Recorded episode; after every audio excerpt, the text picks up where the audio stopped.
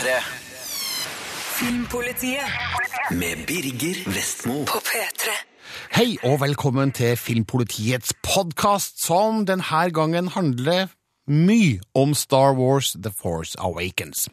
Nå skal du straks få høre alt som skjedde i eh, radiosendinga, men etterpå, helt til slutt, så får du en egen podkastprat der vi diskuterer The Force Awakens med massevis av spoilere. Altså, det egner seg aller best for deg som allerede har sett filmen, og som gjerne vil høre vår mening om ting som skjer i den. Har du ikke sett The Force Awakens ennå, bør du kanskje la være å komme tilbake til denne podkasten seinere. Så, nå er det sagt, nå går vi i gang.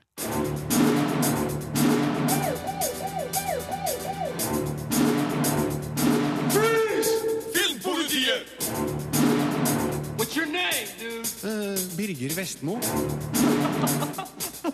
What kind of stupid name is that? Ja! Ja! Star Wars er her! Star Wars The Force Awakens er her, folkens, og alle hjerter gleder seg, blant annet eh, Sigurd og Marte som er med meg her nå. Eh, Marte, du har eh, møtt eh, noen av filmens skuespillere. Ja, John Boyega som spiller Finn, og Daisy Ridley som spiller Ray, prater litt om eh, deres forhold til Star Wars. Jeg kan si at eh, Boyega er superfan! Ja, JJ Abrams han har regissert filmen. Han har faktisk lest manuset til den neste Star Wars-filmen og skal lette bitte litt på sløret, mens eh, vi, Sigurd, vi skal diskutere The Force Awakens. Ja, for du har jo anmeldelsen klar, men vi, vi må jo prate mer om det her. Det er jo diskusjonsmat, men selvfølgelig helt spoilerfritt. Vi skal ikke avsløre noe som helst, men det skjer mer. Vi nærmer oss slutten på året, Marte, og da må vi gjøre en spesiell ting. Vi må oppsummere året. Vi må komme med topplistene. De beste filmene, de beste spillene og de beste TV-seriene fra i år. Men først skal jeg anmelde Star Wars The Force Awakens ganske straks. Ohohohoho. Filmpolitiet anmelder film. There has been an awakening. Have you felt it? Denne anmeldelsen er fri for avsløringer. Faktisk vil jeg nesten ikke si noe om hva Star Wars The Force Awakens handler om. Det er overraskelsene, oppdagelsene og vendingene som gjør denne historien til en av seriens beste. Regissør JJ Abrams har gitt oss en Star Wars-film som er bedre enn det verden anno 2015 kanskje fortjener. Dette er en spektakulær, frisk start som setter prequel-filmene fra 1999 til 2005 i skammekroken, men står skulder til skulder med de originale. Mitt filmhjerte banker av fryd og glede over at en av verdens beste filmserier er tilbake på nivået der den hører hjemme, nemlig på den absolutte toppen. Det her er Star Wars-filmen jeg har drømt om, og litt til. Fra smakebitene vi har sett i den massive lanseringskampanjen, vet vi at historien plukker opp tråden ca. 30 år etter hendelsene i Jedi-ridderen vender tilbake. Vi møter bl.a. skrapjegeren Ray, spilt av Daisy Ridley, stormtrooperen Finn, spilt av John Boyega, og X-Wing-piloten Poe Dameron, spilt av Oscar Isaac. Skjebnen fører dem ut på et farlig eventyr gjennom verdensrommet, der Kylo Ren, spilt av Adam Driver, er en truende kraft.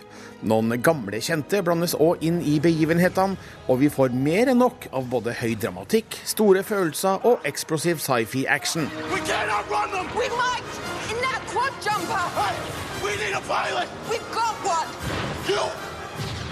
Følelsen av det gode, gamle Star Wars-universet er der med det samme, delvis takka være den flotte filmmusikken av mesterkomponist John Williams. JJ Abrams fører et modernisert filmspråk, men tar i bruk mange av de samme virkemidlene som George Lucas satte standarden for i den første Star Wars-filmen i 1977. Det males med brei pensel over galaksene, med store bilder av en ørkenplanet, majestetiske romskip, søte droider og kule stormtropper, gnistrende lasersverd, episke slag, kjappe X-Wings, Tie Fighters og kjempen Millennium Falcon. Alt er selvsagt formidla med det Hollywood har å by på av moderne effektmagi, men filmen ser likevel ut som klassisk Star Wars. I was to do one thing, but I've got to fight for. Men det er menneskene som står i fokus. Vi får flotte gjensyn med gamle helter, men det er de nye figurene som imponerer mest. Daisy Ridley er en helt fantastisk ny helt, som stilles overfor noen interessante utfordringer. John Boyega spiller en figur som må foreta store moralske valg, mens Oscar Isaac spiller flygeresset som tilfører filmen vidd og humor. Og så er det helt utrolig å se samspillet mellom de menneskelige figurene og den lille robotkula BB8, som er forbausende uttrykksfull og blir en umiddelbar maskotfavoritt på linje med C3PO og R2D2. Where do you come from? I know all about waiting. For my family. Det fins sider ved historien der man kan påpeke at fremdrifta avhenger av en rekke fantastiske tilfeldigheter og sammentreff. Men det her er helt i tråd med det etablerte Star Wars-universet, og jeg godtar alt det har å vise meg. Filmen gir og gir stadig vekk, der det ene høydepunktet avløser det andre, samtidig som det fortelles en historie som inviterer til engasjement. Jeg var mektig imponert over hvordan JJ Abrams gjenoppliva Star Trek-serien i 2009.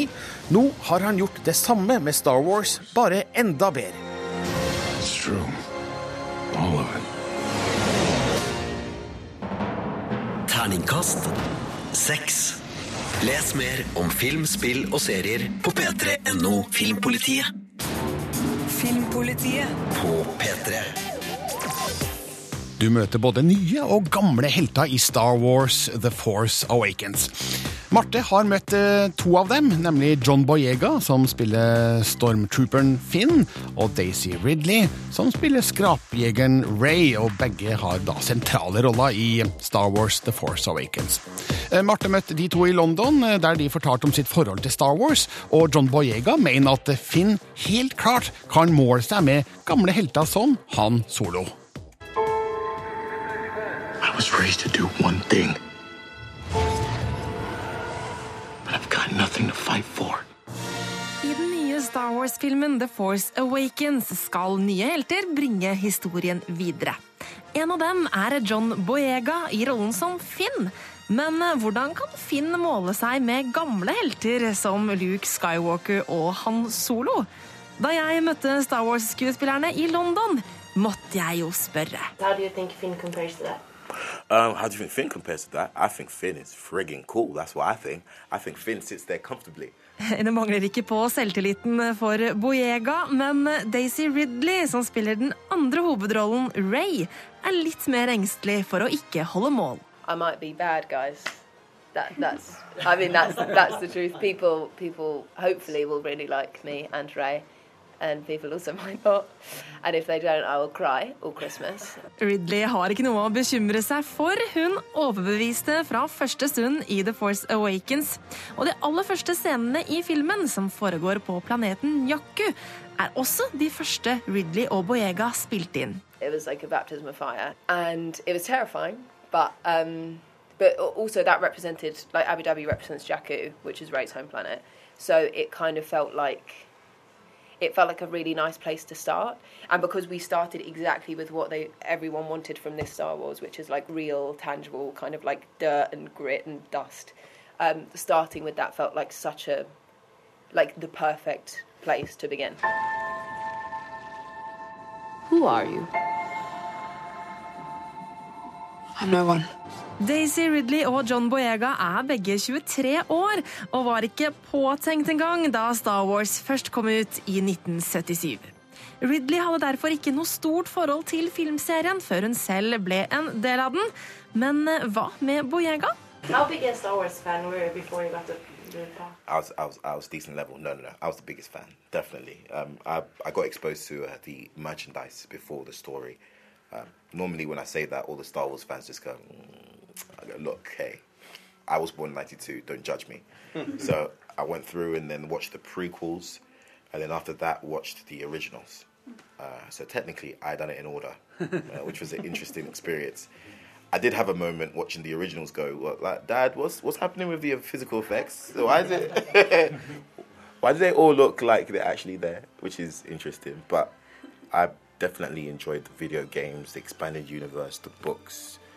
Um, Chewbacca's Christmas special. I don't know if you guys remember that. Did you really enjoy that? I did, you know. I did. I did. Chewbacca's Christmas special was fantastic because for me, as I was a kid when I watched that, it was brilliant. It was got to meet Chewbacca's mum, the whole- the whole family having Christmas dinner. I, I thought it was all right. You didn't like it? I, thought, I liked it. John Boyega er nok ganske alene i verden om å like Star Wars Christmas Special, så han er en stor fan, helt klart. Og å være med i noe han elsker så høyt, førte til mange geek-outs under innspillingen. Sometimes I would geek out myself. First, first of all, you got to realize in the mornings you're kind of like, you know, you're, sleep, you have a nice little, you know, snooze in the car. Then you get to set. Then you have to put on your costume. That's the one number one geek out. From there, you got you get called on set for rehearsal. You're probably going to be on a new set. Number two geek out. JJ tells you a secret about you know the story or about the release of the movie. That's number three geek out. Number four, because really and truly, because JJ tells you something else most of the time because he's excited. And every time JJ gets excited, everybody gets excited. So it's like average. 10 times a day you're getting you're geeking out about something because all the scenes are so unique and you know it's just it's like coming to Disneyland every single day but you're just one of the characters it's it's surreal Det sa John Boyega, og han og Daisy Ridley ble intervjua av Marte Hedenstad. Du eh, møtte flere fra Star Wars The Force Awakens, Marte. Mm, jeg møtte Gwendolyn Christie, som spiller Captain Phasma. Eh, og hun, altså hun er altså så Star Wars-fan. Og det var veldig gøy å sitte i samme rom som henne når hun bare fortalte om sitt forhold til Star Wars. For at hun hadde et sånt glødende engasjement og liksom sånn kjærlighet for filmene som jeg tror eh, vi kan kjenne oss veldig godt igjen i. Um, og hun forteller eh, blant annet eh, om at da hun var på Comic-Con med Star Wars-crewet, så var det et av hennes beste øyeblikk i livet. Well, I, grew, I mean, I grew up with, with Star Wars. I remember one of the first Christmases that it was on the television and it was presented to me as something very, ex- very beyond exciting. It was presented to me as something magical, special, and exceptional. And when I watched it, like everybody, I fell in love with it. I loved the way that it looked. Um, I loved that it was a, a, a fascinating and fantastical way of telling the story of good and evil, um, or good against bad.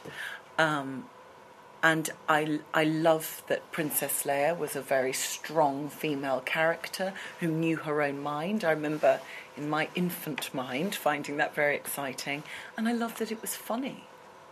Um, the the way those films looked to me, it is is held in my mind as iconic because I had a. It was on the te- New Hope was on the television the other day, and uh, and you know, popped you, you, I popped it on, and um, it, it just looks so good, doesn't it? It just looks great, and there's a, a simplicity about it which still now it looks as good now as it did all those years ago. But it was actually really exciting to be a part of this thing that's meant so much to me. It's meant so much to other people that it seems in in my kind of moving through life life seems to mean so much to to most people. Most people have a a, a, a childlike and, and pure love for the films and there's something very unique and special about them, and that it doesn't matter when they're on. I don't know about you, it doesn't matter when they're on. If they happen to be on the television, you want to watch it, and you want to get involved with it because it puts you into a into a into a joyful mindset. Comic Con was a really extraordinary experience uh, because because of just that. I started to really have an experience of what what it means to people.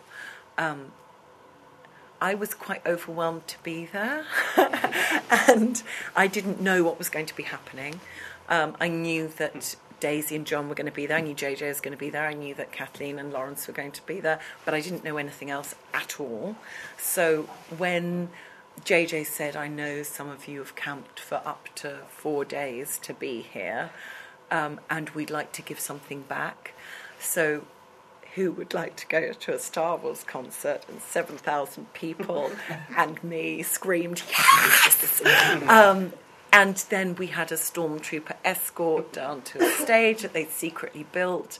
Um, the John Williams Orchestra played while they showed clips from the film on Jumbotron screens, and everyone was given a free lightsaber. and and ev- everyone was just so happy and euphoric and then they let off the best fireworks i've ever seen in my life. And it was quite genuinely one of the best events of my life. And i was talking to jj afterwards and i said what what is that? And this may sound cliched but it's cliched because it's true.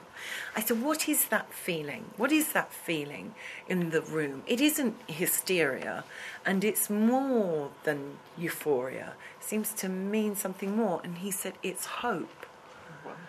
And i really think that's what it is. I think that's what it seems to inspire in people. It's that wonderful feeling of of hope that connects us back to a, a place a sort of simple place of happiness Det sa Gwendolyn Christie til Marte Hedenstad, og for de som ikke vet hvem Gwendolyn Christie er, så er det hun som spiller Brienne i Game of Thrones, eh, og da er det vel mange som eh, med en gang umiddelbart ser for seg ansiktet hennes. Og du som Game of Thrones-fan, Marte, var det kult å møte eh, Gwendolyn Christie? Ja, det var veldig gøy. Hun, hun, og hun er en utrolig interessant skuespiller, og virker veldig sympatisk, så hun har blitt litt sånn her, en av mine nye favoritter nå, etter å ha fått prata med henne. Og hun spiller altså Captain Phasma i Star Wars The Force Awakens. Filmpolitiet På P3. Her handler det om Star Wars The Force Awakens, som altså hadde premiere i forgårs, og litt av en premiere. Den satt faktisk ny norsk eh, åpningsrekord, med 81 898 publikummere den første dagen, så ja, det lover jo godt for det videre besøket til denne filmen. Mye av æren for det har eh, regissør JJ Abrams.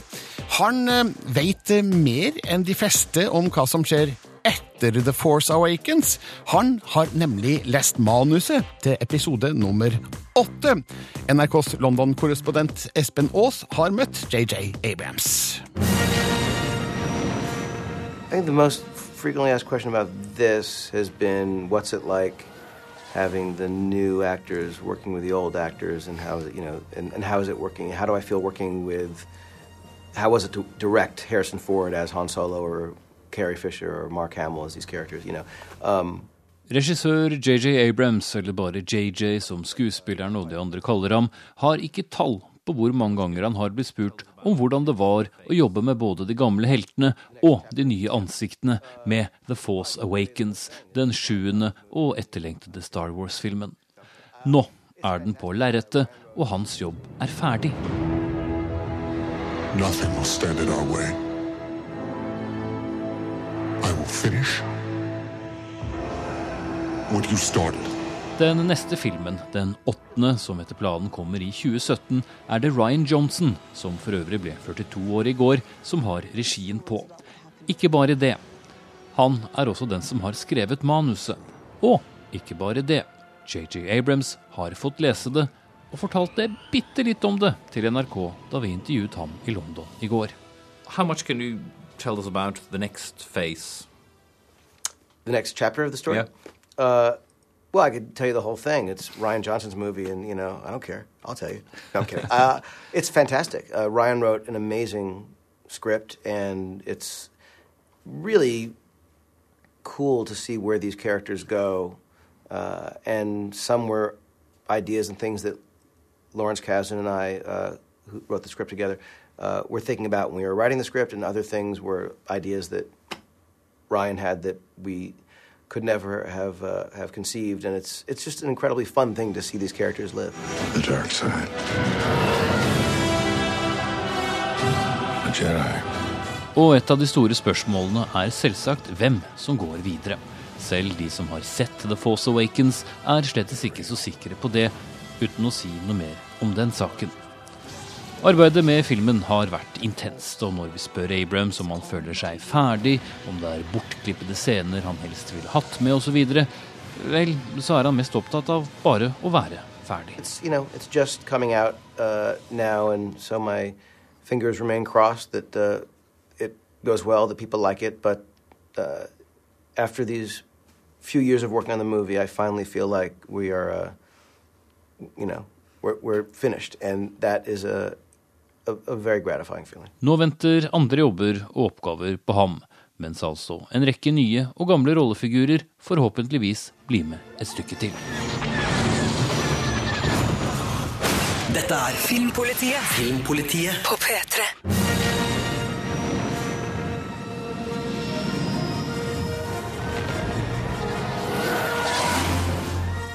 Ja, vi må snakke mer om Star Wars The Force Awakens. Det er ingen som har gått lei enda, vel? Nei, Vi har nei, nei, ikke nei, gått lei. Nei, jeg går bare og venter på å få se den eh, en gang til. Ja, og hør på denne musikken. Det her er så kult, altså. Um, men eh, vi skal ikke spoile noe som helst. Vi vet at folk der ute er livredd for å få avslørt viktige poenger fra historien før de har sett filmen. Uh, jeg følte veldig på det sjøl før pressevisninga på tirsdag i Oslo, fordi den ble jo da vist natt til tirsdag eh, på en sånn gallaforestilling i Los Angeles. Og da kom jo Twitter-meldingene, og jeg visste jo at de kom til å komme. Så jeg hadde total media-blackout fra jeg våkna tirsdagsmorgen til jeg hadde sett filmen. Jeg må bare si til lytterne der ute og avsløre litt om, om Birger her, for han sender da også ut mail til meg og Marte og ber om at hvis det dukker opp noe eh, mailer om som kan avsløre noe som helst, så vil han ikke vite det heller. Veldig nevrotisk forhold til det. Så vi bra. vet, folkens, hvordan dere har det hvis dere ennå ikke har sett The Force Awakens. Men vi må snakke litt om hvordan vi opplevde å se filmen. For Sigurd og Marte, dere har også sett den. Og eh, spesielt du, Marte. Du, du blir emosjonell du, når du ser en ny Star Wars-film. Ja, jeg blir altså så emosjonell. Altså, eh, da jeg sto eh, i, eh, godteributikken, holdt jeg på å si, før kinoen, så var jeg dritnervøs. Jeg skalv. Jeg skalv, jeg var så nervøs for at jeg skulle bli skuffa. Og i det øyeblikket den eh, velkjente rulleteksten kommer på skjermen, så begynner jeg å grine. Allerede der. Sånn at eh, jeg så jo ikke ut eh, da jeg var ferdig, for jeg begynte å grine av hver minste lille ting. Jeg ble så rørt. Eh, og jeg eh, hadde maskara i hele fjeset. Jeg har lagt ut et bilde på Instagram nå, NRK Filmpolitiet på Insta. Sjekk det bildet, sier jeg bare. Det var en del maskara, for å si det Fikk sånn. du sett slutten, egentlig? Altså, eller jeg ser på meg 3D-briller og maskara Ja, det var og faktisk et par ganger jeg måtte ta av meg brillene før det begynte å dugge på dem. Og så måtte jeg liksom sånn tørke meg litt, og så ta de på igjen. Sigurd, hvordan var din opplevelse av The Force Awakens? Jeg gråt, jeg òg. men ikke fra første stund. Det måtte litt til uti her, men det, nei, det var, var en veldig god opplevelse. Og det som er så, så fint, er jo oh, Man kan jo ikke spoile noe som helst. Skal vi se, hvordan kan man Men- Nei, vet du hva? Vi, vi, vi dropper deg nå, Sigurd. Altså, men jeg skjønner ikke all den her grininga. Jeg sitter jo med et stort fanboy-glis gjennom det meste av filmen og syns at det her er jo helt fantastisk! Ja, men jeg, jeg, jeg gråter når jeg blir glad. Når Ja. jeg er sånn skikkelig glad, så begynner jeg å grine. Det er gledestående. Men, men gråt du i bryllup, Birger? Nei, vet du, jeg er litt dårlig til å grine, jeg må innrømme det. Jeg er litt for god til å grine. Bryllupsgrinere. Jeg, jeg har uh, grene på Jeg kan grine på Bones, liksom. TV-serien Bones, hvis det bare er dramatisk nok, så, så er jeg en tutekanon. Ja. Vel, det var vår opplevelse av å se Star Wars The Force Awakens. Vi skal snakke litt mer om den. Fremdeles uten å spoile, så heng for all del på. Filmpolitiet. Dette er P3. Er det noen her i studio som er lei av John Williams-musikk? Nei, Oh, bra. Aldri. absolutt ikke. For her kommer det mer! Det, ja, er kanskje litt klisjé da å bruke Star Wars-musikk når man snakker om Star Wars, men på et eller annet vis så går det ikke an å snakke om Star Wars uten heller. Nei, Enig? det går ikke. Det går ikke. Og det er jo så nydelig musikk. Og i eh, The Force Awakens også, musikken skikkelig bra, altså. Ja. Har det fortsatt. Jeg må bare si at det temaet vi hører i bakgrunnen her nå, det er jo ikke med i The Force Awakens. da. Eh, Det er også en remix henta fra YouTube eh, fra brukeren Reezy, så gå inn der hvis du har lyst til å høre på Denne den der Darth Vader-remixen av John Williams' eh, famøse musikk. Famøs er kanskje ikke rett ord, berømte musikken. Eh, nok om det. Vi skal snakke mer om The Force Awakens, stadig vekk uten å spoile. Jeg har gitt filmen terningkast seks, og eh, kaller det Star Wars-filmen jeg har drømt om. Men eh, vi er jo en redaksjon, og det fins rom for ulike meninger her, så eh, fyr løs, Marte. Altså, eh, jeg er helt enig i at det er Star Wars-filmen eh, vi har venta på. Altså. Eh, Mm. Det er den følelsen man sitter igjen. At det liksom Endelig kommer det en film i på en måte min levetid som er den derre fantastiske, eventyrlige følelsen som ja, gjør at uh, man blir så grepet. Uh, jeg har jo selvfølgelig noen sånne småting som man kan pirke på, uten å skal avsløre hva, hva, hva det er. Så syns jeg kanskje at det var noen ting som ble litt overforklart og sånne type ting. Uh, men ikke noe som gjorde at filmopplevelsen ble noe dårligere. Sigurd? Det jeg syns var aller mest gledelig, var at den klarer å balansere den der med å være en barnevennlig film, eh, samtidig som den er en film som klarer å ta vare på et, og forvalte et, et univers som veldig mange har et, et forhold til. Og jeg syns den komboen funka fint, samtidig som det er nok mat der til at den får litt den der eh, ørlite sci-fi-filosofiske biten inni der. Og så, så jeg likte det godt der, altså. Det er noen som har kritisert eh, The Force Awakens for å være eh, litt for nostalgisk, altså peke litt for mye tilbake. Eh, nå er jo jeg sånn supernostalgiker, så det her blir helt riktig i min bok. Men hva syns dere om det?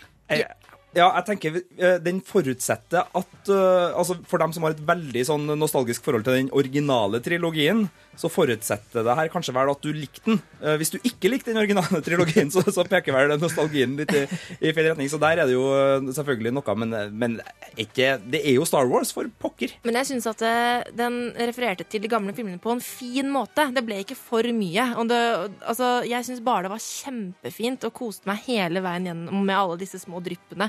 Eh, Så jeg syns det var en kjempefin balanse der. Men det beste med Star Wars The Force Awakens er jo faktisk de nye figurene. Ja. Altså Ray, Finn, Poe Dameron. Eh, Her er det et stort potensial til mye moro i åra Ja, fremover. virkelig. Ray Du må Daisy si Ridley. BB8 også, altså. Jeg må, BB-8. må si BB-8. Jeg må si BB-8. Altså, jeg må bare si bare, eh, Daisy Ridley er fabelaktig som Ray. Hun er en strålende helt, altså. Hun, vi har diskutert det her tidligere i dag faktisk på kontoret, at hun ligner jo veldig på Keira Knightley, Ja. som, eh, som eh, vi ble enige om spilte i feil Ja. Star Wars-film. Jeg tror hun er bitter nå for at Filleren, det var ikke, det var ikke prequels-filmen jeg skulle være med i. Det var dette jeg skulle vært med i. Hun spilte tjeneren til Abidala Amidala Yes. mm, i Phantom Menace, eh, som vel kanskje nå rykker et hakk ned på lista, eller på rangeringslista da, over de beste Star Wars-filmer. jeg må bare spørre, for jeg har sett veldig mange som driver og gir terningkast til de gamle filmene øh, og, og kritiserer dem. Hvordan plasserer du denne filmen i forhold til de andre, Birger? Ja. Fremdeles så er det slik at eh, Imperiet slår tilbake. Den er på topp for, for, for meg, og med, med den første Star Wars som nummer to. Og så sliter jeg litt da mellom å rangere um, Jedi-ridderen vender tilbake mot The Force Awakens. Uh, enn så lenge så tror jeg kanskje at uh, Jedi-ridderen vender tilbake er et lite hestehode foran fordi at den har hatt uh, 35 år på seg til å grave seg inn i vår popkulturelle bevissthet. Det blir veldig spennende å se når hele denne trilogien her blir ferdig. da. Eh, Hvordan, vi hvordan det har klart å bygge seg opp til å bli en ny sånn opplevelse, og hvordan den stiller seg i forhold til det gamle. Jeg tror, jeg, jeg tror ikke det blir en trilogi, jeg tror det blir en sånn eh, 40-ologi. Ja, ja, kanskje det. Bare skyte inn veldig raskt øh, en liten infobit. Jeg er 3D-skeptiker. Jeg trives ikke voldsomt godt, eller i hvert fall ikke best, når jeg må velge 3D framfor 2D. Men jeg så denne filmen i 3D. Det funka aldeles greit. Så de som øh, har sitter og vurderer nå om de skal gå på gode seter på 3D eller dårlige seter på 2D, f.eks., så, så jeg tror alt funker. Gå for de beste setene. Nå eh, har vi diskutert eh, Star Wars The Force Awakens uten å spoile noe, mener jeg i hvert fall. Jeg syns vi har vårt på det tørre her nå. Men senere i dag skal vi gå i studio på nytt og spille inn en eh, ekstra podkastversjon. Der vi skal diskutere Star Wars The Force Awakens med masse spoilers. Det gleder jeg meg til. Så du som hører på det her og har sett filmen og vil vite hva vi syns om diverse ting i den, eh, last ned podkasten som blir tilgjengeliggjort litt senere i dag på p3.no Filmpolitiet. Filmpolitiet på P3. Det har vært et innholdsrikt år for skandinavisk TV-krim, og på søndag er det klart for en ny dose nordisk drapsetterforskning på skjermen. Da begynner nemlig den svenske serien Modus på TV 2, basert på boka Pengemannen av Anne Holt. Sigurd Vik syns serien treffer med stemninga, men eh, bommer med skurken. Filmpolitiet anmelder TV-serie. Hvor mange filmer får vi se? Hvor mange vil du se? Jag vet inte. Kanske tre. Tre? Mm. Den starter aldeles nydelig modus, med et julekledd hotell i Stockholm sentrum, et eh, lystig lag, et drap, et vitne og en mordgåte som både har umiddelbar spenning, og som kaster skygger inn i flere hemmelighetsfulle hjem. Såg du henne i källaren? Serien, som er basert på boka 'Pengemannen' av Anne Holt, treffer godt med både stil, tempo og spenning, men dessverre så klarer ikke serien å holde på den gode nerven fra de første episodene. Skurkerollen er ikke god nok til å holde spenninga oppe gjennom hele serien, og det store mystiske plottet blir litt for tydelig, litt for tidlig. Inger Johanne Wiik, psykologiprofessor. Hva er det som gjør en menneske til en morder? Et val. Inger Johanne Wiik har vært i USA og jobba for FBI, men er nå tilbake i Sverige for å fokusere på familien og begynne en akademisk karriere. Under hennes søsters bryllupsmiddag vandrer hennes autistiske datter rundt i gangene etter leggetid, og blir tilfeldigvis vitne til et drap i hotellets kjeller. Den smarte etterforskeren skjønner etter hvert at dattera har sett noe ganske så galt, og da flere drap ser ut til å ha tilknytning til hotelldrapet, så blir Vik noe motvillig dratt inn i jakta på en seriemorder. Vi har en hemmelighet. Håker du hører den? Skuespiller Melinda Kinnaman har godt grep på hovedpersonen Inger Johanne, og klarer på ypperlig vis å veve sammen hennes hengivenhet for barna og hennes altoppslukende forhold til ei drapsetterforskning. Like god er ikke Richard Forrester i rollen som drapsmann. Han starter som en mystisk figur, men etter hvert som han får mer og mer skjermtid, så skjemmes skurkerollen av overspill og en del litt corny situasjoner. Så det som starter som en nydelig julekrim, blir dessverre ikke mer enn nok en solid skandinavisk eh, drapsetterforskning.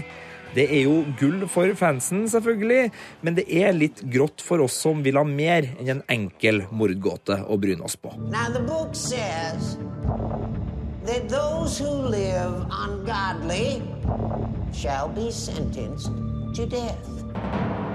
Terningkast fire. Filmpolitiet. Filmpolitiet På P3. Det er den tida på året der vi må oppsummere året, og vi skal først ta for oss film, deretter spill, og så til slutt serier. Marte og Sigurd, dere er her. Yes. Og eh, vi skal gå kjapt igjennom eh, tiendeplassen til fjerdeplassen. På tiende Carol av Todd Haynes med Kate Blanchett og Rooney Mara. På niende Louder Than Bombs av Joachim Trier. På åttende Sangen fra havet, animasjonsfilmen fra Tom Moore. På sjuende It Follows, en original skrekkfilm av David Robert Mitchell. På sjette Pixars nye film Innsiden ut.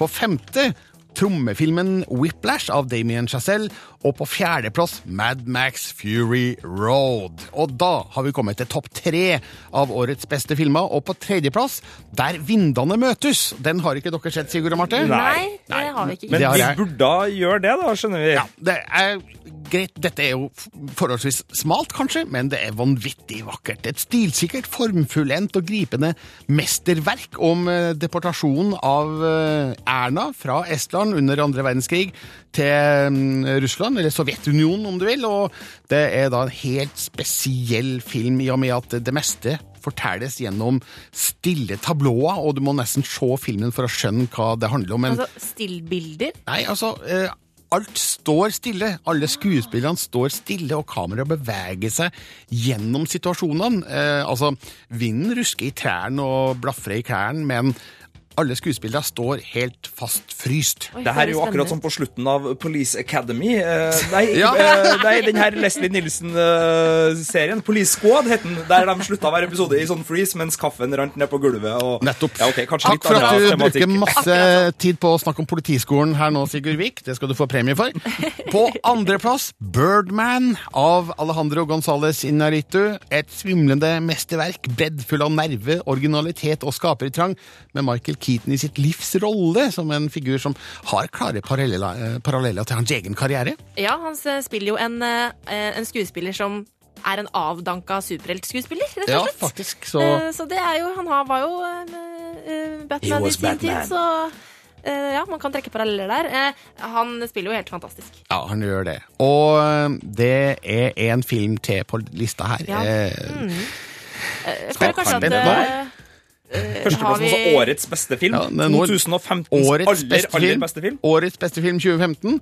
Jeg tror jeg er ganske alene i Norge om å ha denne filmen på førsteplass. Eh, skal vi høre litt lyd fra den? Ja, la oss gjøre det.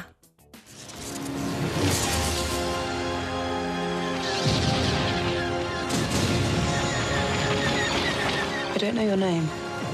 Finn. I'm right.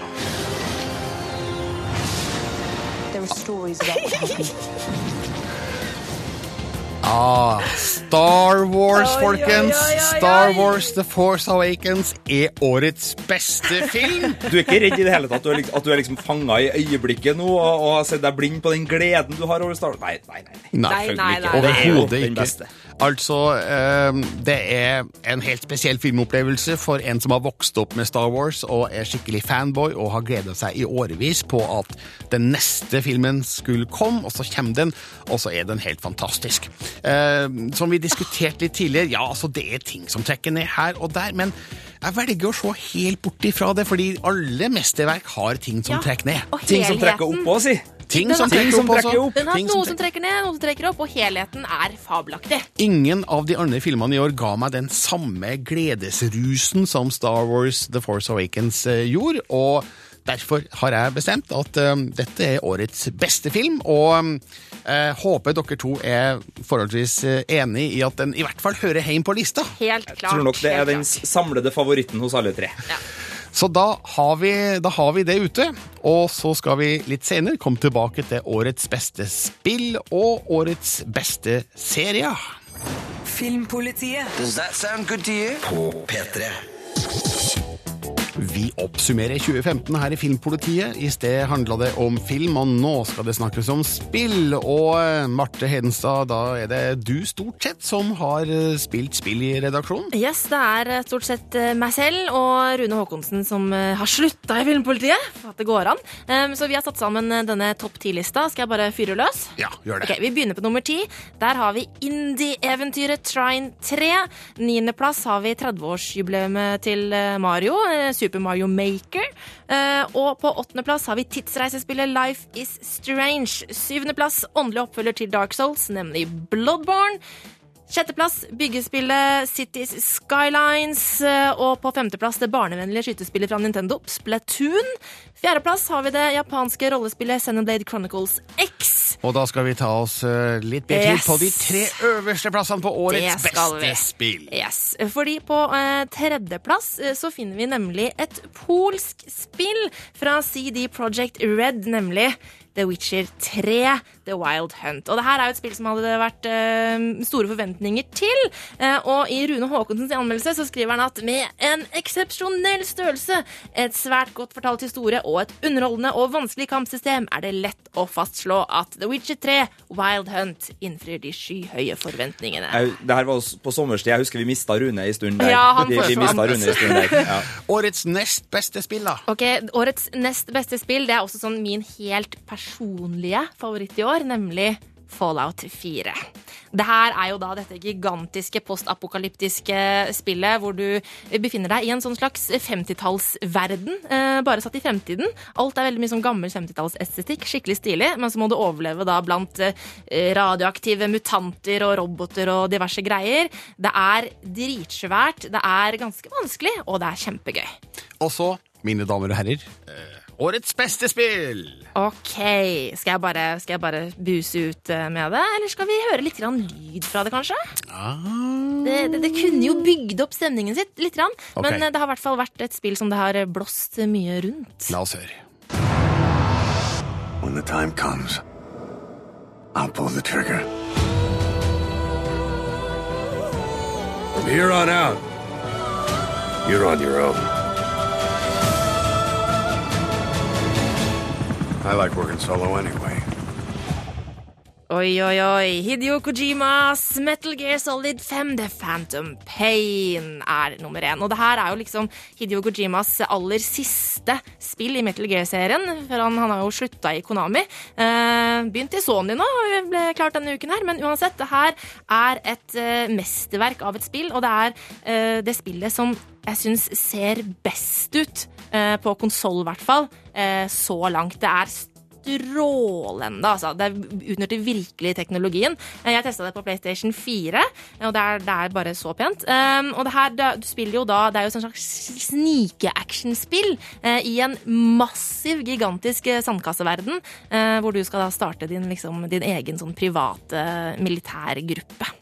Snakker vi årets julegave til seg selv her? Eh, altså, jeg har det jo allerede. Eh, men eh, hvis folk er gira på Metal Gear-serien, som jo er en strålende serie, så må de skaffe seg Metal Gear Solid 5 hvis de ikke har gjort det enda. Det her er en enestående spillopplevelse. Og årets beste spill. Filmpolitiet. Filmpolitiet. Les mer om film, spill og serier på p3.no Filmpolitiet. Her i Filmpolitiet oppsummerer vi 2015. Vi har gjort det med film, vi har gjort det med spill, og nå har turen kommet til serier. Marte og Sigurd Vik. Det har vært den vanskeligste lista å sette opp av alt. Ja, det har vært veldig mye bra, har det ikke? Det har vært så mye bra! Så mye bra. For et serieår 2015 har vært. Det er dere to som anmelder flest serier, og dere har slåss på kontoret. Ja, faktisk fysisk slåss. Nesten fysisk. Nei, i hvert fall diskutert heftig, Det har det. Det har vært veldig vanskelig, men vi har kommet, eh, vi blitt, vi har kommet til en enighet. Uh, skal vi bare fyre løs, Sigurd? Ja. På tiendeplass Justified sesong seks. På niendeplass Game of Thrones sesong fem. Så på åttendeplass dokumentarserien The Jinx, The Life and Death of Robert Durst. Syvendeplass Netflix sin superheltserie Jessica Jones. Sjetteplass Mr. Robot. Og femteplass NRKs Unge lovende. Og på fjerdeplass Master of None. Yes. Det var ti til fire, og så tar vi oss litt bedre tid til tre, to og én. Ja, for på tredjeplass så finner vi andre sesong av The Leftovers. Eh, og hvis dere husker første sesong, så var jo det en sånn veldig sånn mystisk greie der eh, det var noen prosenter av jordas befolkning som bare poff, forsvant. Eh, og dette mystiske dramaet det fortsetter jo da i andre sesong, og serieskaper Lindelof og Perotta holder kortene tett til brystet fortsatt. Og det er litt sånn usikkert. Får vi noensinne vite svaret på dette mysteriet? Jeg tror svaret er nei, men vet du hva? Det gjør ingenting, for det er så spennende rollefigurer eh, som eh, holder på her, at det er helt greit. Årets nest beste serie. Transparent sesong to. Ja, Den anmeldte du jo nå for en uke siden. Den kom for ei uke siden. Den kom forrige helg og fikk sekseren. Alle ti episodene smæla dem ut via Play på én gang. Det her er en familiedramaserie som bare tar den sjangeren og pluss bare sender den i en helt ny retning, og det er helt herlig å være med på. Det er da en eh, familiefar som står fram eh, for familien som eh, transperson etter en del år i tradisjonelle familierammer, og det er liksom hovedinngangen. Det var sesong én, men nå spiller bare denne familien seg ut på et helt nydelig vis, og det er de der små hverdagslige sammenbruddene denne serien er så vanvittig god på, pluss noe stemninger og noe popmusikk og noe greier som bare er helt nydelig. Transparent sesong to, årets nest beste serie. Årets beste serie, den høres omtrent eh, sånn ut. Where's my brother? Are you listening to me? Is he listening to me? You cut off his ears. He's dead. I think. I want to be the best me I can be. We're very friendly people. I'm not afraid of a war. Hva er det her? Fargo sesong to. Det luneste, blodigste mesterverket nord for eh, Nordpolen, holdt jeg på å si. Altså, det her er serien sin.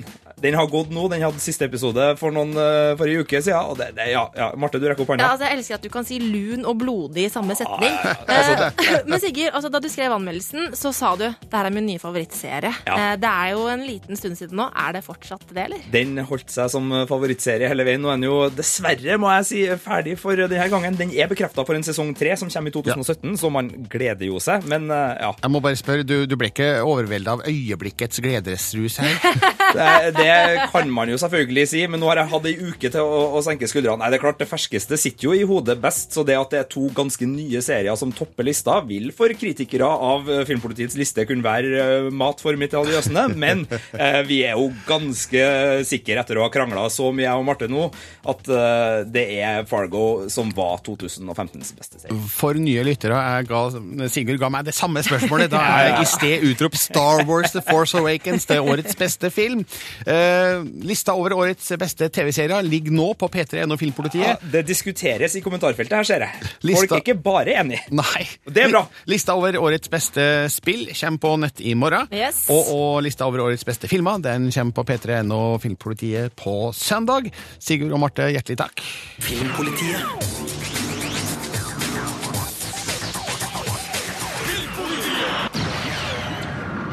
National Lampoons Christmas Vacation er en julefilmfavoritt for veldig mange. Nå skal det imidlertid handle om eh, reboot-filmen Vacation, som gikk på kino tidligere i år. Denne uka kom den nemlig ut på Blu-ray, DVD og strømming, og dermed her er et gjenhør med anmeldelsen min. Filmpolitiet anmelder film. This trip's exactly what we needed. There was a hole in the side of my stall. Sounds like you found yourself a glory hole. Yes. Hmm? No. All right, let's hit the road. Akkurat idet fellesferien avrundes, kommer Vacation på kino og minner oss om all feilskjær som kan skje under en ferietur.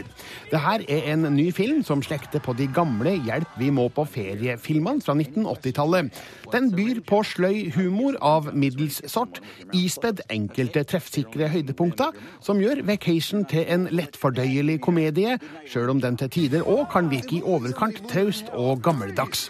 Sånn sett lykkes den i en slags tilnærming til originalen, men bleikner uunngåelig i sammenligning. So you want to redo your vacation from 30 years ago? This will be completely different.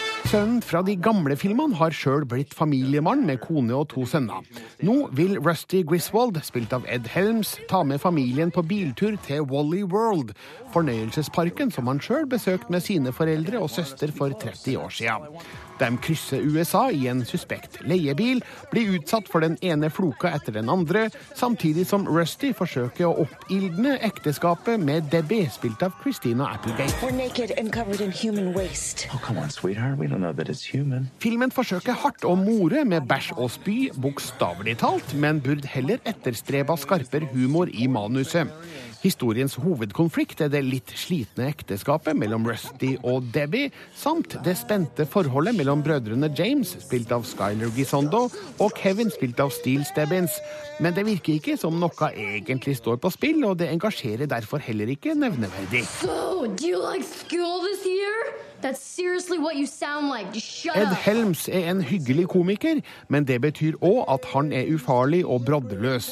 Det er situasjonene rundt han som utløser humoren, ikke han sjøl. Chevy Chase var åpenbart en bedre komiker på 1980-tallet, men hans innhopp som Clark Griswold i Vacation er for kort og tynt til å heve filmens latterfrekvens. Christina Applegate er det umulig for meg å kritisere, siden jeg har elska hun helt siden hun spilte Al Bundys datter i TV-serien Våre verste år. Hvis Rusty er filmens hjerte, er Applegates Debbie dens hjerne. How about some tunes? For blodfansen fins det nok av vink til originalen, men Vacation blir likevel ingen ny klassiker. Den har sine øyeblikk med godhjerta handling og sympatisk humor, men strekk strikken for langt i litt for mange scener, der regissørene John Francis Daly og Jonathan M. Goldstein tyr til lavpanna humortriks for å lokke frem reaksjoner. Derfor havner Vacation midt på treet kvalitetsmessig, og det er litt skuffende med tanke på hva den slekter på. Griswolds, you piece of ass. Terningkast tre. Dette er Filmpolitiet På P3. P3. Da har vi kommet fram til det mest spennende ved denne podkasten, syns jeg, nemlig vår diskusjon om Star Wars The Force Awakens med spoilers. Altså, Vi har jo allerede hørt vår radiodiskusjon, som var spoilerfri. Det som kommer nå, det kommer ikke til å være fritt for spoilers. Så om du ikke har sett The Force Awakens, Du bør kanskje slå av nå og komme tilbake til podkasten senere. Har du sett The Force Awakens, er du hjertelig velkommen til å bli med i de neste minuttene. Sammen med meg her, Marte Hedenstad og Sigurd Vik. Hallo. Nå kan vi altså kaste fra oss alle bånd vi la på oss eh, tidligere, og diskutere fritt om The Force Awakens. Hvor skal vi begynne? Herregud. vi starter på starten, rett og slett. Altså var det bare jeg som fikk litt sjokk av det, den aller første setningen på crawler-teksten. Altså, Luke Skywalker har forsvunnet. Mm. He's gone. Han er borte. Ja, det er rart, men samtidig det, det funker jo bra å sette opp det spennet. Så jeg syns jo de, de skaper jo umiddelbart en setting som er kjent, men allikevel ukjent, fordi han er jo ikke der. Mm. Men jeg ble ikke overrasket over det, for det her er jo noe av de teoriene uh, som kom i forkant, var basert på at uh, man trodde at eh, Luke hadde tatt en Ben og liksom vært borte i mange, mange år, og at liksom så skal han eventuelt komme tilbake. Men jeg trodde at han skulle komme inn i filmen før han gjorde, da, for å si det sånn. Ja, det skal vi komme tilbake til. Det skjer jo helt, helt, Ja. helt mot slutten. Men så eh, får vi jo fortalt at eh, en pilot er sendt til ørkenplaneten Jakku for å lete etter en eh, viktig brikke i leitinga etter Luke Skywalker. og det her minner jo veldig mye om A New Hope, som Mm. eh, mye annet i The Force Awakens.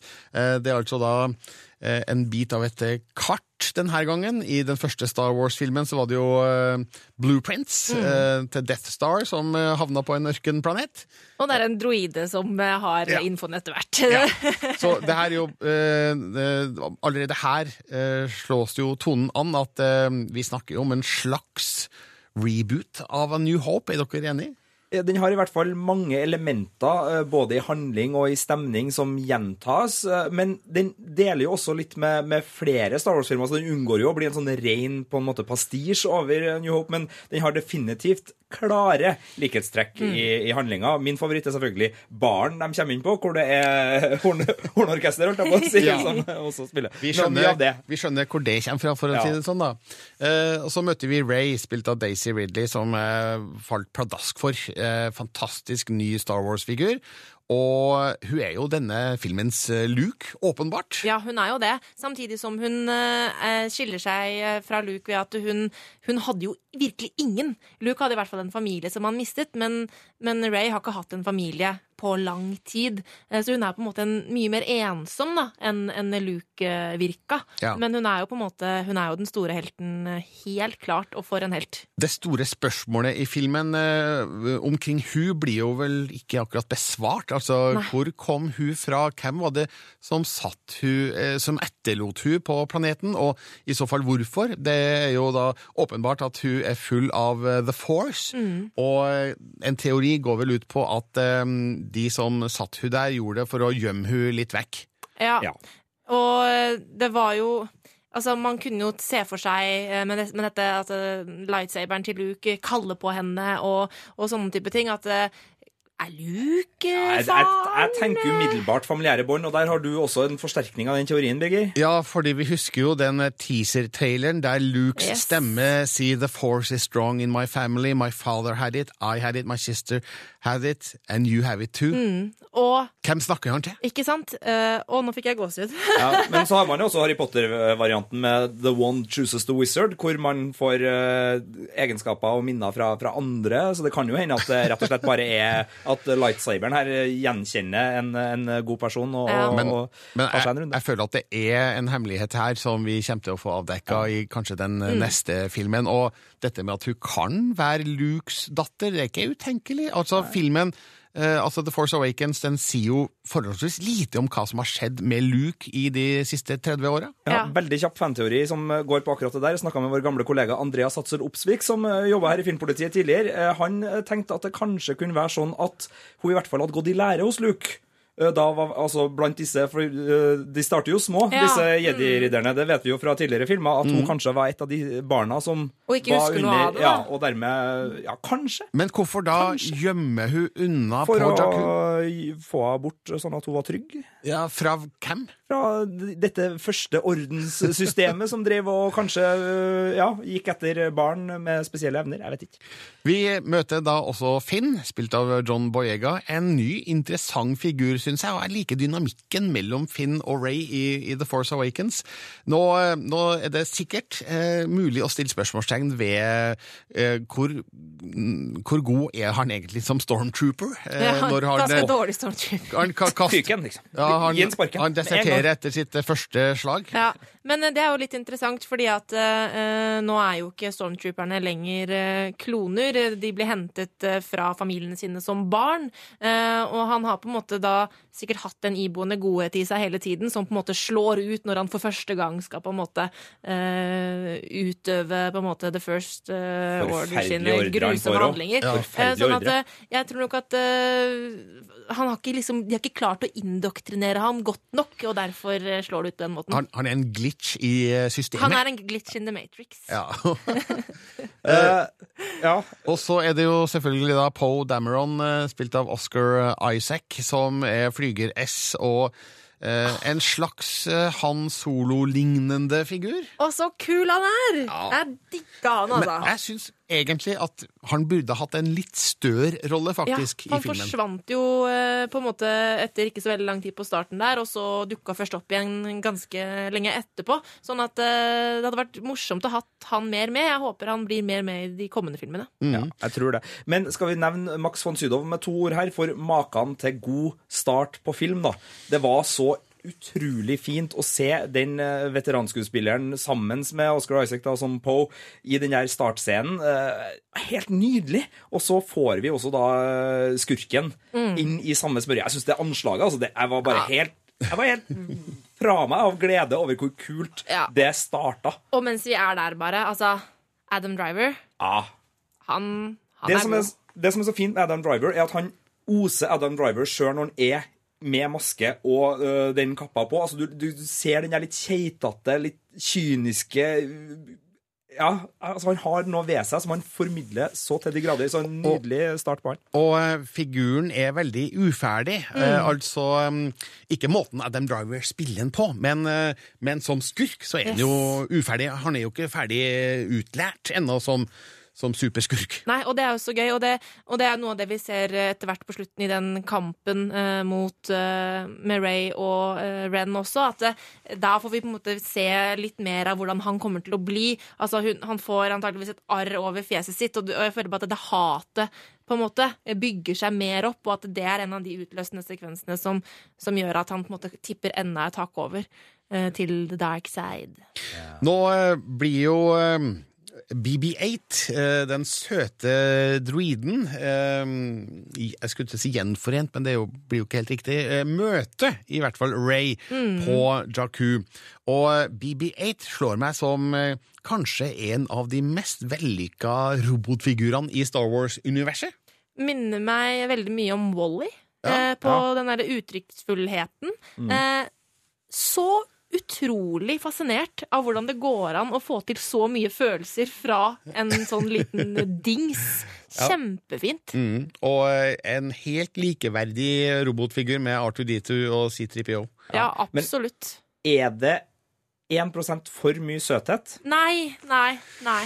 Jeg, jeg kjente på det. jeg kjent på Det Det var den der lille altså innimellom. Ja, jeg, jeg tenkte på det, og der, der, er det uh, different strokes for different folks. Altså, men jeg, jeg kjent, digga 98 av den uh, roboten der, og så ble det sånn innimellom så var det sånn OK, vi skal dit, ja. Åh, la hodet på skakke og bare Jeg likte det. Jeg skjønner at OK, noen vil kanskje synes at det, ble litt mye, men jeg likte det. og eh, måten BB-8 bruker lyder på, er jo mm. helt klart inspirert av eh, R2D2 lydene til Ben Burt. Eh, og um, jeg syns BB8 hører hjem da, i det her universet. Det virker som han, han eller hun eller det glir rett inn og ja, er en troverdig Star Wars-robot. Spiderman-egenskapene til BB8 var også fungerende. Ja. Synes jeg, måten Han kunne skyte seg litt sånn uh, tinglig ut av greia med et sånn slags klebrig uh, eh, tau. Ja. ja. det var noe sånt. Og, og, det var jo en scene der BB8 rekker fingeren. Ja, og Den likte jeg det jeg var godt. veldig gøy. Ja, det, det, det er teit humor. Det var den lighteren, men-? Lighteren, ja. Ja, lighteren, Ja, ja. ja, ja. Teit humor, men det hadde jo også de originale Star Wars-filmene Mm. eh, relativt mye av. Eh, når de forlater Jakku da, i Millennium Falcon altså, det var fantastisk. vent, vent litt, vi bare spoler tilbake. Det øyeblikket der kameraet panorerer over til venstre, og vi ser at uh, det piece of junk de har snakka om, Ja. er Millennium Falcon. Men det var jo, altså bare hun sa 'piece of junk', så skjønte man jo med en gang at det var Millennium Falcon som uh, venta på dem. Og jeg bare, jeg gjorde sånn, jeg hytta med neven i kinosalen. Jeg var sånn, Yes! Endelig! det var så gøy. Ja, eh, Var det noen annen reaksjon i kinosalen? eller? Nei, jeg tror ikke det. Jeg tror ikke det var noen som eh, var eh, negative til at eh, Millennium Falcon dukka opp. Nei, men det var, det var jubel. Det var jubel. Ja. Jeg så den jo med eh, en bunch eh, eh, filmkritikere, og vi har sett så mye at vi, vi gir jo ikke til kjenne følelser Ikke Nei, ikke sant? Det kan man ikke gjøre som kritiker. Nei, det var god stemning. Men, men i hvert fall, de tar av fra Jakku, og ja, det første som skjer eh, omtrent, er at de blir funnet av Han Solo og Chewbacca. Mm. Og ja It's a small universe. Men skal vi bry oss om det? Nei, altså, Nei han var jo på leting. Ja, ja. Han var jo på leting. Jeg ser for meg at han hadde at han hadde plukka opp noen signaler eh, fra Millennium Falcon på et eller annet vis Ja. vi ikke fikk med oss. En, en eller annen tracking device, Yes, eller noe sånt. Men eh, jeg vet ikke om det har vært nødvendig å overforklare det i filmen. Men eh, jeg, jeg kjøper det. Altså, det er mulig jeg godtar litt for mye fra Star Wars, og tenker at ja, ja, det er Star Wars, og da har de lov til å gjøre både det ene og det andre. Men, men det øyeblikket der Han Solo kommer løpende inn, det er jo også med i traileren, Chewie, Mm. We're Home. Eh, et av de bedre Star Wars-øyeblikka, Ja. syns jeg, da. Ja. Helt enig. Helt klart. Hvis vi skal spole fram litt til et av de mindre heldige øyeblikkene i denne filmen Hva? Er du For negativ? parallelt med det her, så, er det jo, det så skjer det jo ting. Fordi det er klart, når folk kommer seg unna, så er det jo en som jakter på dem, som ikke har gjort jobben sin. Ja. I dette tilfellet så er det Kylo Ren som ikke har gjort jobben sin sånn helt perfekt. Og han har jo selvfølgelig også en sjef. Ja. Og den sjefen Altså, vi må snakke litt om Snoke. Ja, du, du liker ikke Snoke? Nei. Det gjør jeg ikke. Og eh, grunnen til det? Nei, det var et gigantisk, merkelig hologram av noe som verken fenga eller ga noe særlig innsikt i hvem det her var. Det var ikke noe attributter av han som, som på må, noen måte skapte den samme magien som alle de andre figurene gjorde. Så i det her selskapet så syns jeg Snoke falt rett igjennom. Han var ikke akkurat den onde keiseren? Nei. Nei, Han var heller ikke noe, han var ikke noe Darth Maul. Han hadde liksom det var, Nei, jeg er enig Altså, det var jo The altså. Wizard of Oz. Altså, jeg ser for meg at det står en sånn liten rakker i et lite sånn øh, bak et forheng der og, og, og blåser opp det her greia til å bli sånn Nei, jeg, jeg, jeg, jeg fikk ikke noe følelse vært, på han. Hadde hadde vært like greit med eh, altså, et menneskeansikt, altså en skuespiller, at, at Ja. eh, Andy Serkis satt der sjæl. Ja. det hadde det kanskje vært Så bedre. det er jo ingen Og sånn- hvorfor måtte han være så innmari svær, da? Det ble litt sånn overdrevet. Men det kommer sikkert en backstory på han utover i filmene. Mm. Så, øh, så, og det, det var ikke sånn at det skjemma filmen så voldsomt. Men av figurene så var det der det, det ramla litt for min del. Altså, resten syns jeg funka kjempebra. Var imponert over både Finn og Ray og ikke minst Kylo Ren, som jeg syns funka bra, men akkurat Snoke der, det er der den uh, tapte seg litt for meg i filmen. Det skal jeg ærlig innrømme. First Order, hvordan skal vi tolke dem? Uh, det er det er etterkommere av uh, The Empire, rett og slett? Ja, men jeg reagerte litt på uh, akkurat det der når uh, Kylo Ren sitter og snakker til hjelmen til Darth Vader, og så bare sånn I want to finish what you started, hele den greia som vi også har hørt i traileren. Ja. Altså, fikk han ikke med seg at han ble jo omvendt på slutten? Altså, jeg, Ja, Han så kanskje ikke filmen? Nei, men altså, jeg har ikke liksom foreldrene hans fortalt om hva som har skjedd. Altså, eh, hele den greia Men på slutten med Tenåringsopprør Altså- er tenåringsopprør. Ja, han relaterer seg ikke til det, tror jeg. Han Nei, relaterer jeg seg til til Darth Vader før han igjen ble Ja. Anakin helt mot slutten av Ja. sitt liv. Ja, bare, ja, bare sånn I want to finish what Han, han er jo. Anakin. Ja, det rart. På mange måter. Eh, og, og Anakin nå hadde jo mange muligheter til å velge det gode hele veien, men uh, ble allikevel tiltrukket av ideer som han strengt tatt burde ha sett at ikke var så veldig god. Men uh, Mm. sånn var nå den keiseren. da. Ja. Nå går historien eh, til denne planeten der eh, Mas Tanaka er sjef på et eller annet et- etablissement, som du var inne på, Sigurd. eh, Ligner veldig mye på Ja, riktig. Eh, og, og der finner jo da Ray Lukes sverd, som Mas Tanaka sier hun har eh, gjemt vekk og låst inne i flere år, men det var jo veldig lett å finne dette sverdet nedi den kjelleren. Men det kalte jo på henne. Det kalte på henne. Ja, det, gjorde det. Det var ikke, Det var- men det var, det var ikke låst ned. Nei, det, Nei altså da. vaktholdet, generelt vaktholdet på det her vannhullet til, til Mass var litt eh, slett. Og jeg syns også det var litt idiotisk. eh, Og, og, altså, de ble jo oppdaga med en gang de for dit. De gikk inn døra, og plutselig hadde du dusin med Ja. Bounty Hunter som bare sånn Hei, ja, du, jeg har en liten beskjed her om eh, noen flyktninger dere har etterlyst. Det var liksom bare verdens mest åpenlyse idioti-move. Og litt sånn i Ringenes herre, når de rusler inn på den stelende pony, så har de i hvert fall en sånn fighting chance. Men det her var jo bare sånn der mm, OK, så uh, det, det her kommer ikke til å gå bra. Og så kommer opprørerne eh, med et angrep der for å forsvare eh, denne planeten fra First Order. Eh, og da, Det går jo an her å kikke på at det er ikke så veldig stor, den armadaen som kommer flygende. Nei, Men flere enn meg som grein akkurat da? Som grein? Ja, da. Ja, første, det var, øh, Da kom tårene. Når øh, motstandsbevegelsen kommer over øh, med øh, Over sjøen. flyene over sjøen der, ja. Oh, ja, ja. ja. Nei, jeg grein ikke da. Nei, da, Nei, men, er- da var jeg godt et, et herlig bilde Ja, og en flott, ja. feiende flott sekvens. Okay, Men greit. igjen, her har vi å gjøre med en um, historieutvikling som um, som det går an å, å si 'trekk ned', men så tenker jeg igjen at uh, ja, men det er Star Wars, og uh, vi skal ikke bry oss så veldig mye om uh, realisme her, og hvordan man egentlig skulle ha angrepet problemstillinga.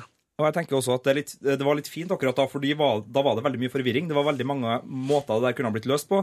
Uh, Ray kunne ha gått i skogen og på en måte hatt et sånt Luke-øyeblikk der hun måtte ha på en måte klart seg litt sjøl og blitt litt kjent med kraften. Det tenkte jeg faktisk skulle skje. Men så tilbake altså, Det var mye som kunne ha skjedd der da når vennene begynte å spres litt rundt. Uh, men jeg syns de samla det veldig fint med det motangrepet, og da fikk man på en måte en, en base. Uh, og man beholdt Altså, Mas sitt hjem er på en måte en litt sånn det er et lunt hjem, da, altså det er et trygt sted. Og hvis det hadde falt, så hadde det på en måte ikke vært noe mye base igjen. Så jeg følte liksom at det, det, det gjorde også noe med, med at man følte at uh, The Light Side hadde en, en uh, god uh, en god sjanse. da. Mm. Det syns jeg var fint. Ja, og på det her tidspunktet har vi også blitt introdusert for eh, general Leia Mm. Organa, spilt av Carrie Fisher. Og det er jo hyggelig at hun er med, men jeg tenker at hun har fjerna seg rimelig mye fra den Leia vi husker. Det var en ganske sindig eldre dame som uh, tok kommandoen der, men det var veldig rørende, det gjensynet. Det var veldig rørende. Jeg tenkte ikke at hun Jeg tenkte at jeg så den gamle Leia i henne. Ja, du gjorde det? Ja, det følte men, at jeg gjorde. Ja. Ja, nei, Den var men- borte. Altså, det, det var enklere å kjenne igjen Han Solo, for å si det sånn. Ja, der var typen veldig til stede. Altså, Ja. Han var han solo akkurat som han var for 30 år siden. Uh, Leia var had, men, altså, Ikke unaturlig utvikling, men, men hun var ikke den eh, Men altså, skarpe unnskyld meg, altså, hun har jo på en måte opplevd eh, ting. Eh, altså, Ja, ja. Ikke sant? Altså, det er jo et, et levd liv og mista sønnen sin og alt mulig. Jeg kan forstå at litt av snerten kanskje har eh, forsvunnet eh, av naturlige årsaker. Og forholdet til Han Solo har også gått fløyten. Mm, mm. Det blir jo kjent på et tidligere tidspunkt. Og ikke minst det faktum at eh, vi er jo i spoiler-modus her nå, så Ja. at eh, Kylo Ren Mm. er deres sønn. Det var en ting jeg syns for, for, for øvrig ble litt sånn overkommunisert. eller og over eh, ja, Putta inn med teskje. For at jeg skjønte, man skjønte eh, på den scenen med Max von Sydow Bare der så skjønte man at Kylo Ren var sønnen til Han og Leia. Eh, og så, eh, etter, at, etter angrepet, og Han og Leia møtes, og så sier han sånn I saw our son. Og så er det veldig sånn Our son, I saw him. Så bare sånn du kunne bare sagt jeg, 'jeg så han'. Da hadde alle skjønt hva man hadde ment. Du hadde ikke trengt å si 'vår sønn', 'jeg så vår sønn'. Du hadde ikke trengt å si det. Nei, akkurat det. Men jeg skal tilstå at jeg visste ikke Jeg tenkte flere alternativ når Max von Sydow eh, avslørte eh, opphavet. Jeg var ikke sånn, men det er fordi jeg, har, jeg ser jo at det er mange som har hatt de teoriene, og jeg, kjenner, jeg har ikke lest Star Wars-litteratur. Jeg kjenner ikke universet rundt noe mer enn i filmene, så jeg tenkte Mm. sånn Det her kan være noe fra Luke, det her Ja, kan være noe men fra likevel, ja. altså, om han hadde sagt til Leia 'jeg så han', Ja, ja, ja, så hadde hadde du skjønt at det var sønnen. Ja du trenger ikke liksom sånn det, 'Min sønn, jeg så at han gikk der borte'. Altså, det blir litt for mye. En annen ting som eh, muligens blir overkommunisert litt, det er jo det som da eh, etter hvert skjer med Han Solo i møte med Kylo Ren. Mm. Jeg tenker at eh, hans død blir signalisert ganske Ja, kraftig. Enig. Det var ikke noe overraskelse da det skjedde. Da hadde du sittet og venta på det en liten stund. Ja. Og det tok kanskje noe av brodden eh, av på en måte det, den dramatiske hendelsen. sånn at det, jeg begynte faktisk ikke å gråte da det skjedde. Jeg begynte å gråte etterpå da Ray og Leia møttes og på en måte de hadde et øyeblikk. Eh, fordi at det hadde på en måte vært gjerde såpass lenge at det liksom ble ikke det klimakset det Men- kanskje kunne vært. Men uh, der er vi inne på noe interessant, for veit Leia hvem Ray er? Ja, ikke sant? Det, for hun bør jo, Hun bør jo vi, hun, hun er jo force sensitive selv, så hun bør jo i hvert fall kjenne at, eh, at Ray har eh, the force på en såpass høyt nivå. Ja. Og hun, også hun burde kanskje, hvis det er Luke sin, sønn, nei, sin datter, så burde det jo kanskje vært noe, noe greier der. Hun har kanskje i det minste hørt om Ray da, og fått Ja. informasjon om Mm. hun. Uh, Litt rart, kanskje. og, men én Force-dame til en annen, det er en fellesnevner her, så at hun Mm. skjønte at eh, og, ja, og ikke minst at hun var jo lei seg, og Mm. det var kanskje behov for trøst. Ja, jeg tenker òg det, men der ligger det vel sikkert uh, noen påskeegg å vente på oss utover. Ja. tenker jeg. Altså, Den Ray-greia bør jo være så mystisk som mulig for Ja. at det skal bli, bli fengende. Men uh, mitt andre ankepunkt, da, i tillegg til Snoke, mot filmen her, ikke et så veldig stort ankepunkt, men jeg bare vil lufte med dere, fordi nå er vi inne på det, og, og det blir mer mark, eh, merkbart mot slutten. Den scenen med Han Solo og Kylo Ren. Hvorfor måtte den foregå utpå ei bru midt ute inni altså det, det, var, det var jo så mye likhet der Ja. med foregående scener at man skjønner jo bare ut fra hvor de går, hva som skal skje. Og så er det jo altså Et fedredrap kan du jo gjøre hvor som helst. Det kan du jo gjøre bak i en Star Destroyer eller eventuelt ute i skogen. Det var Men litt sånn Ikke litt Var ikke litt mye? Ja, men det var nok for å ha en parallell Ja. til Darth Vader, Luke Skywalker-scena i eh, Imperiet slår tilbake. Og hvis vi tenker på hva er det de er inni, da? En slags planet som også er ei Dødsstjerne. Ja, ikke sant? Så, så, så er det, var det ikke nok paralleller her på et eller annet tidspunkt? Måtte vi ha alle paralleller? Kanskje, kanskje. Men Ja. eh, det- en ganske kul dødsscene uansett, da. Ja da. Men altså, men er han solo død? Ja, det vet vi jo ikke. eh, Jeg, så nå tror jeg han er død. Ja, det, det tror jeg òg. Eh, det var langt ned der, altså. Det, Ja. Jeg tror det. Ja. Det er ikke akkurat Cloud City, det der. Nei. Uh, så Altså, nå, nå er han borte. Det- Jo, og vet du hvorfor jeg tror den er borte? Ja. Det er fordi at du så Leia følte det. Ja. Leia med sin force sensitivity kjente at han døde. Men hun ble ikke så veldig lei seg. Nei, hun ble ikke drittlei seg. Nei, det Men det var jo slutt, altså. Det altså. nei, jeg vet ikke. Jeg hadde kanskje trodd at hun reagerte Det hadde kanskje blitt verre. vanskelig for filmen å hente seg opp igjen, da, hvis ja. alle hadde blitt ut i depresjon og kjempegråt. For den kommer jo seg veldig kjapt på beina, og derfra ut så svinger det jo sabla bra. Ja. Jeg likte at vi da fikk tilbake Poe i Oscar Isaac i, i storslag. Jeg likte eh, at det ble eh, også eh, krig blant stjernene, og ikke bare på den her planetdødsstjerna. Og så syns jeg den strålen, den her solhøstinga Mm. og den strålen og planetsprenginga. Utrolig kult. Det var Utrolig nydelig, kult. nydelig effektarbeid der. Ja, det var det. Og så avsluttes filmen da med at um, kartet det blir gjenoppretta, og Ray drar til denne øde planeten et eller annet sted og finner Luke Skywalker. Eh, sverdet, eller lyssabelen, rekkes fram. Mm. Vil han ta imot den? Mm. Ja. Spesielt syns jeg at uh, Luke Skywalker har valgt å reise tilbake for å bli sørstatsgeneral i en slags reenactment av en Civil War-oppsetning. For maken til skjegg Det var sånn skikkelig sånn gammel generalskjegg han ordna seg der. Men, uh, men en fin homasj til Obi-Wan Wan Kanobi-stilen. Uh, det Mark Hamill hadde på, på uh, utseendefronten. Og nei, flott scene. Veldig flott, fint. og flott location, ikke minst. Det her er noen øyer i Irland som er brukt til, til innspilling. Mhm. den, den stien opp der, det var jo veldig sånn der asiatisk kampsportfilm-aktig, følte jeg. Litt Ja, sånn jeg sånn eh. Kill Bill også, der man liksom vandrer opp uh, for å finne den, den uh, grå, Den gråhårede mester. ene sannheten på toppen. Ja. Nei, likte, likte det. Men på, på, på en måte så føler man seg litt snytt når Luke Skywalker er med i 30 sekunder i den nye Star Wars-filmen, men på den annen side så eh, det, it, it wets my appetite. Ja, det Altså, jeg var egentlig veldig engstelig for at det skulle slutte uten at vi fikk se han i det hele tatt. Jeg trodde et øyeblikk at, det, at filmen skulle være ferdig når Ray drar av gårde med Millennium Falcon. Ja, det trodde jeg òg. Jeg så en idiot på Twitter som skrev eh, før filmen kom at 'It's been confirmed Luke's not in it'. Oi! Så Så- eh, oi, shit. jeg vet ikke hvor vedkommende hadde hørt det, men eh, Han, han, han gjorde han trolla. han trolla kanskje, men eh, han fikk jo nesten rett. Ja, nesten. Ja. Mm. Så det er greit at JJ Abrams sparte litt på kruttet der, sånn at Mm. Rian Johnson har noe å virkelig tilby oss da i neste film. Ja, for nå, det her var han solofilmen.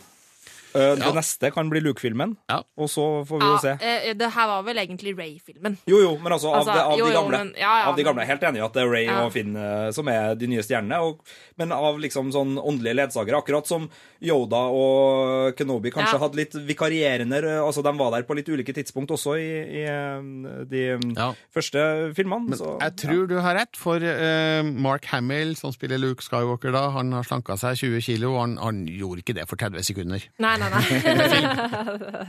Men sjøl om eh, vi har en del innsigelser her og der, og vi pirker i det og vi pirker i det og, og det, så elsker vi jo helheten. ja. Underholdningsfaktoren her er jo på topp hele veien. Mm. Den slakker ikke i et minutt. Altså, det er ø, aldri kjedelig, og det er bestandig sånn rett under magekribling. Og Også, det er helt fantastisk. Og så var det Star Wars. Ja. Altså, det var ikke prequel Star Wars. Altså, vi, vi kan glemme prequel-filmene. Altså, nå mener jeg at vi kan gjøre sånn som med Matrix Reloaded. De prequel-filmene, de fins ikke. Eh, for, altså, nå, det var helt i Star Wars-ånden. Følelsen, hvordan ting så ut. Det var liksom akkurat en passe miks mellom, mellom fysiske og liksom datagenererte eh, ting. Og det, det hadde den der grittinessen som de gamle filmene hadde. Ja. Det var perfekt, altså, produksjonsdesign. Cinematografien òg. To tomler opp for å klare å kombinere det der intense nærbildene som de har, Mm. med uh, de, de store intergalaktiske, og ikke minst måten det nå igjen er så fint når skip kommer flyvende Mm. inn i en scene. Det Altså det skipet var til bra Kylo på Ren. 3D. Det var kjempebra på 3D, for der ligger jo en eh, skal vi kalle det en Star Destroyer den, som, som ligger ja. og hviler ut i kinosalen, Mm. som er helt vanvittig. Den er sånn rett foran Det var veldig Og, flott. og TIE Fightere i solnedgang. Ja, ja, eller, det var fint. eller var det soloppgang? Det er jeg ikke helt sikker på. Ja, det var Men, flott. og skikkelig flott. Yaku, helt perfekt. uh, altså uh, Det var som en Mad Max-film på, på ti minutter. Det var jo bare den, Det var så utrolig fin fargekomponering, og, Mm. av, og det, den klatrescena som jeg får litt sånn Batman Begins-vib av når uh, Ray driver og firer seg ned på, på skrapjakt. Romfølelsen den er absolutt til stede der. Og Mm. jeg vil også nevne lydbruken, spesielt i Atmos, som jeg så den i, og du òg, Ja, Marte. mm. Og du, Sigurd. Du Nei, så den nei, ikke i Atmos. Men, Altfor hverdagslig. Nei. men uansett, da. Fantastiske lydeffekter som eh, virkelig er noe av det ypperste har hørt i den sjangeren. Mm. Så eh, vi, vi er veldig glad for Star Wars eh, The Force Awakens. Vi vet at den har eh, shortcomings, som det heter på Hva er det norske ordet for Eh, shortcomings? Skavanka liker jeg å si, men det er vel kanskje ikke helt uh... Eh, og vi har jo sett i kommentarfeltet på anmeldelsen på P3N og Filmpolitiet, og også på Internet Movie Database, at det er mange folk som er kritiske, Ja og som er sure og kalde og kyniske. Og, Ja, de er kalde og kyniske, ass. Ja, det er det vi sier, da. Ja, for det, det som er litt spesielt, er at den har jo en veldig sånn nostalgi, men den legger jo opp til at du må være fan av de første filmene. Den legger ikke opp til at du bare har sett dem. Den legger opp til at du må ha sett dem og elska dem. Altså, det er der nostalgivibben ligger. Må du det? Altså, altså, den, den gir deg noe mer hvis du elsket de eh, foregående Ja, du- filmene. ja, ja, ja. Men, Men- den er jo fortsatt en flott film. Ja, ja, ja, men altså, den nostalgigreia den Mm. genererer, er bygd for folk som ikke bare kjenner Ja, ja. til det, men som har de positive følelsene som den da kan forsterke. Vi er fans. Mm. Vi elsker Star Wars The Force Awakens, sjøl om det er ting å pirke i her, så vi velger å se bort ifra det stort sett. Og jeg vet ikke om den perfekte Star Wars-filmen fins, altså til og med Imperiet slår tilbake har eh, skavanker og ting som er litt eh, teite. Men vi elsker det for det. Det er jo ingen film som er perfekt. Nei. Det fins ikke. Ikke engang verdens mest perfekte film er perfekt. Så vi eh, slår oss til ro med at det er vi som har rett, og alle som kritiserer filmen, de har sikkert også rett ut ifra sine syn, men vi syns at de tar feil. Ja, så er det litt trist å tenke på, for jeg, jeg hadde klart å lure meg sjøl til å tro at det var ett år til neste gang. Jeg vet det, det er to år. Det er 2017. Men det er sommeren 2017, ikke? så det er ett og et halvt år? Ett og et halvt Ja, år det er for lenge. Ja, det er veldig lenge. Så vi rekker å se The Force Awakens eh, flere ganger nå, da. Skal se den på søndag. Jeg skal se den på søndag. Jeg har prøvd 2D. Jeg har den i 3D. Jeg skal se den i morgen, altså lørdag blir det da for deg som hører podkasten en annen dag. Så da sier vi oss ferdig for denne gang. Vi har spoila The Force Awakens eh, godt og vel. Det fins massevis av andre ting vi kunne ha diskutert, men eh, da hadde denne podkasten blitt så lang at eh, du har ikke hatt plass til den på eh, harddisken din. Så vi sier takk for eh, følget. Marte og Sigurd, takk for at dere kom og spoila Star Wars. Takk for laget, Birger. Takk for laget.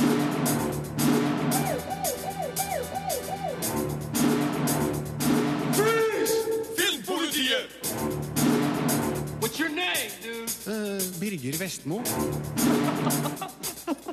Kind of stupid name is that?